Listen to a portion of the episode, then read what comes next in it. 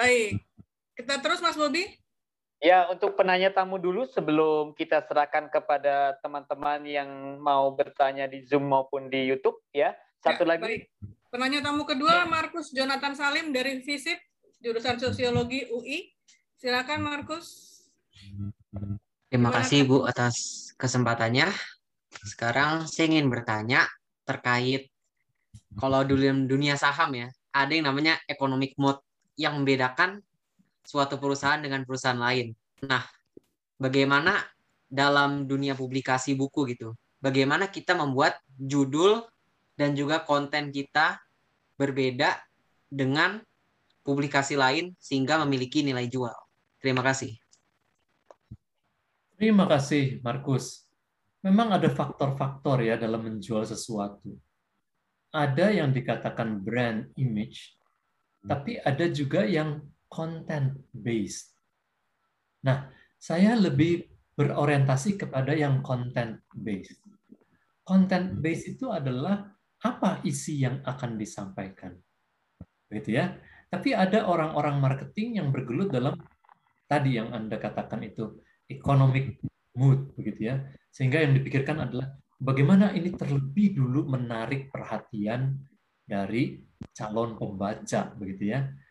Sah-sah saja, boleh saja.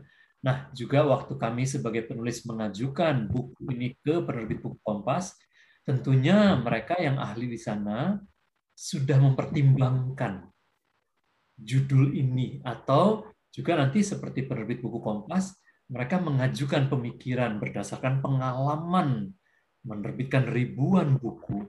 Oh, bagaimana kalau judulnya diubah begini? Bagaimana kalau begitu? Dan kami sebagai penulis terbuka untuk mengikuti eh, ide-ide seperti itu. Ya, jadi bisa diimbangkan, bisa yang economic mood itu lebih dulu, tapi bisa yang content base itu lebih dikedepankan ya. Begitu Markus ya. Terima kasih. Iya, terima kasih Pak. Terima kasih Markus. Nanti siapkan pertanyaan lagi kalau masih ada ya, Markus. Oke, Pak. Oke, baik. Terima kasih. Kampanye sudah mulai banyak yang bergabung di Q&A. Iya. Silahkan kepada eh, teman-teman uh, di Zoom dan di YouTube. Kalau yang di Zoom, kita sudah buka Q&A. Waduh, pertanyaan orang pertama saja pertanyaannya sudah tiga nih Mas Bobi nih. Ini Mbak yang kaitan dengan pertanyaan Markus nih Mbak. Saya bacain dulu ya Mbak, boleh nggak? Soalnya masih terkait ini. Hmm, silakan. Dari Usman Siswanto. Mengapa Bapak Rizal menggunakan kata excellent? Apakah tidak ada padanannya dalam bahasa Indonesia? Nah, lo Mas Rizal, ini emang bukan orang Indonesia nih, gitu kan? Ini anaknya uh, putranya JS Badudu yang pakar bahasa ah. Indonesia judulnya pakai bahasa Inggris itu ah. sebenarnya pengen ngomong gitu tuh Pak Usman kayaknya iya bagus bagus. Ini betul sekali ini. Ya dalam kebanyakan hal saya memang lebih menggunakan bahasa Indonesia. Namun seperti tadi Markus katakan ada economic mood. Dan itu kami bicarakan dengan PBK mana yang akan lebih berbunyi? Ya apakah apakah service excellence bisa di dikalimatkan dalam bahasa Indonesia? Tentu bisa ya bahkan kantor saya sendiri pun namanya adalah PT Layanan Prima Indonesia service excellence adalah layanan prima namun di kalangan pelaku bisnis terminologi service excellence ini sudah menjadi sesuatu yang biasa dibicarakan menggunakan istilah tersebut. Yang waktu kita gunakan istilah Indonesia yaitu ladan prima, dia jadi tidak berbunyi. Begitu ya. Jadi saya dengan permohonan maaf kepada ayah saya almarhum terlebih dulu akan menggunakan istilah tersebut dan begitu juga dengan karakter excellence ya. Nah, itu adalah karakter prima ya bisa dibahasakan demikian. Namun dengan pertimbangan-pertimbangan yang sama seperti tadi menggunakan dalam bahasa uh, Inggris ya.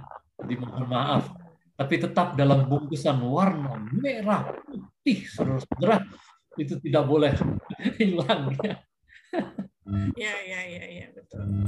Ini jadi pertanyaannya uh, bisa me meluas kepada pertanyaannya Mimbar Saputra. Katanya bagaimana Bapak Yus Badudu mendidik putra putrinya? Iya. Ini pertanyaan yang kedua nih Mas Rizal dari uh, Zoom. Dari Mimbar Saputra. Ya, ya. Bagaimana mendidik putra putrinya? Terima kasih. Ayah saya sendiri sebagai pakar bahasa Indonesia, beliau tidak menggunakan mimbar untuk mengajari kami. Jadi kami putra-putra beliau tidak dimimbari oleh ayah saya. Jadi artinya beliau tidak mengajari kami. Ini loh kata yang benar.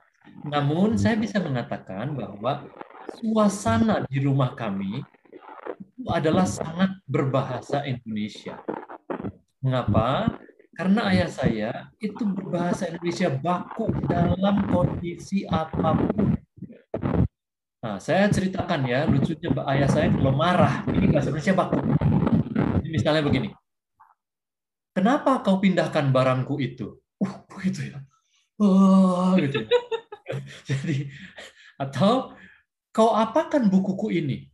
Begitu ya. Itu berbahasanya demikian. Sama beliau itu kalau kalau menegur supir beliau ya, memarahi supir. Kau memilih jalan ke mana ini? Tidak, jangan. Ini lebih dekat. Jangan berbelok ke sana. Jadi Anda bayangkan ya, kalau ayah saya itu setiap hari itu berbahasa demikian, maka kami sangat dipengaruhi dalam penggunaan bahasa. Tentunya kami dalam ngobrol sehari-hari di rumah itu santai saja, tidak berbahasa Indonesia baku, tapi beliau sendiri itu pasti menjawab dengan bahasa Indonesia baku. Gitu ya. Namun hal lain lagi yang terjadi di rumah kami dalam suasana kebahasa Indonesiaan adalah eh, begitu banyak hal yang diperhatikan sehari-hari itu jadi diskusi mengenai bahasa Indonesia. Misalnya adalah iklan di toko, spanduk di warung, ya iklan di televisi, radio dan sebagainya. Dan itu menjadi diskusi-diskusi yang menarik dan kami mendapatkan pembelajaran-pembelajaran bahasa Indonesia dari diskusi-diskusi tersebut. Bahkan kami ada kalanya sampai memprotes tanda kutip ya, memprotes ayah kami gitu. Oh enggak gitu, salah kok. Oh, jadi sering kali itu jadi diskusi yang menarik di dalam keluarga ya yang berbahasa Indonesia. Seperti itu. Terima kasih. Mas Riza, nama Yus Badudu adalah nama besar di dalam eh, bahasa Indonesia, ya.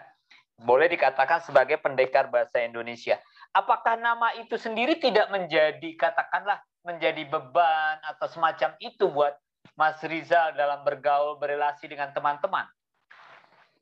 Iya, kami bersyukur kami dididik untuk menjadi siapa yang siapa kami yang terbaik.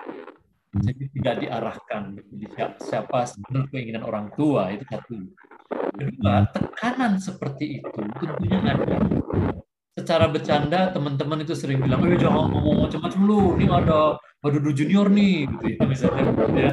Tapi secara bercandaan itu kami sering sekali hadapi ya, atau yang mengatakan juga eh, apa namanya, eh hati-hati lo, ada anaknya Pak Yus Badudu, gitu, sering secara bercanda.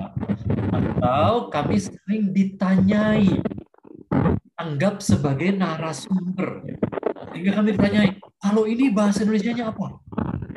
Sampai sekarang saya masih sering ditanya yang nah, nah, ini bahasa Indonesia-nya apa? Ini terjemahan dari bahasa Inggrisnya apa? Nah, itu sebagai tanda kutip tanggung jawab kami dalam me, apa memakai nama family ya, nama Badudu di belakang dan kami lakukan sebisanya tapi jelas kami bukan ahli bahasa. Di sini dan dan di PBK masih banyak yang lebih ahli daripada saya. Ini penulis-penulis senior nih Mbak Dante ini, Bu, Bu, Ibu Diana Damayanti itu itu penulis senior, seniorita itu ya. Kalau saya junior sebagai penulis. Jadi saya pun kadang waktu naskah saya masuk pun tetap masih ada koreksi-koreksi dari PBK dan itu kami oh, diskusikan itu. Saya pikir kalau naskahnya Pak Rizal nggak pakai dikoreksi lagi gitu Pak, langsung lolos gitu. udah aman sentosa gitu ya Mbak Amanda. Iya, lancar jaya gitu.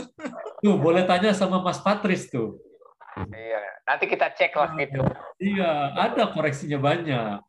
Mas Patris sudah ditunjuk siap-siap muncul nanti ya, tapi nanti. Saya masih mau baca pertanyaan nih masih banyak nih. Kita lanjut Mas Bobi. Ya, silakan Mbak. Ya, ini ada pertanyaan dari Sigit Pamungkas. Katanya, kiat dari Bapak terkait bagaimana langkah awal kita sebagai orang awam dalam memulai menulis sebuah topik itu bagaimana? Yang kedua, kendala yang dihadapi dalam menulis sebuah topik dan bagaimana memecahkannya. Yang ketiga, bagaimana membuat orang lain tertarik dengan tulisan kita. Wah, diborong nih. Wow. Diborong ini. Saya, Pertama.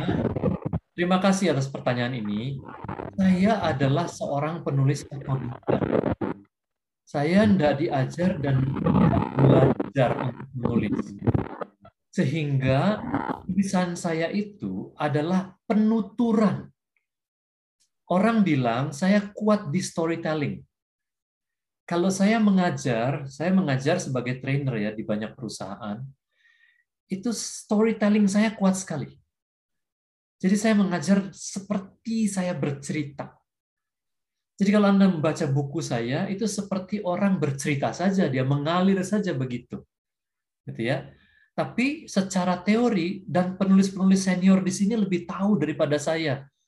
Caranya itu menetapkan satu topik, kemudian memulai dengan eh, berapa paragraf, kemudian ditetapkan paragraf dua paragraf pertama tentang apa, tiga paragraf berikutnya tentang apa, empat paragrafnya tentang apa. Itu adalah orang-orang yang belajar. Nah, saya pun melihat bahan-bahan pelajaran anak-anak kami, ya, karena kami kami homeschooling ya, kami mengajari anak-anak kami sendiri sejak kecil sampai lulus SMA. Salah satunya adalah pelajaran menulis. Dan kurikulum yang mereka gunakan untuk menulis itu indah sekali. Dan saya melihat mereka diajar untuk menulis satu paragraf, bagaimana mengembangkannya jadi dua paragraf, bagaimana mengembangkannya jadi tiga paragraf, dan di situ mereka diajar untuk menggunakan satu kata, kemudian bagaimana mengembangkan dari satu kata ini diterangkan, menerangkan, memakai beberapa teknik. Nah itu semua teknik-teknik yang saya sendiri saya tidak belajar. Tapi kalau lihat anak-anak kami, anak-anak kami ya, anak-anak saya yang belajar seperti itu, waktu melihat mereka menulis, tulisan itu indah sekali. Nah, sekali lagi, saya adalah otodidak. Saya mencurahkan isi hati saya yang ingin saya sampaikan tentang Indonesia merah putih tadi, tentang bagusnya pelayanan di Indonesia, tentang bagusnya karakter di Indonesia, itu saya curahkan ke buku, dan kemudian secara konstruktif, konstruksi saya suka lemah. Jadi waktu saya sudah menyusun begitu banyak, saya sering masih harus mengubah konstruksi bab-babnya, atau mengubah konstruksi di dalam satu bab, paragraf ke paragraf, saya menyadari itu kelemahan saya. Ya, tapi kalau Anda belajar dari penulis-penulis senior yang sudah banyak menulis buku, Anda akan belajar secara runut, secara tertata bagaimana menghasil mengkonstruksikan tulisan itu dengan baik. Ah, tidak demikian dengan saya.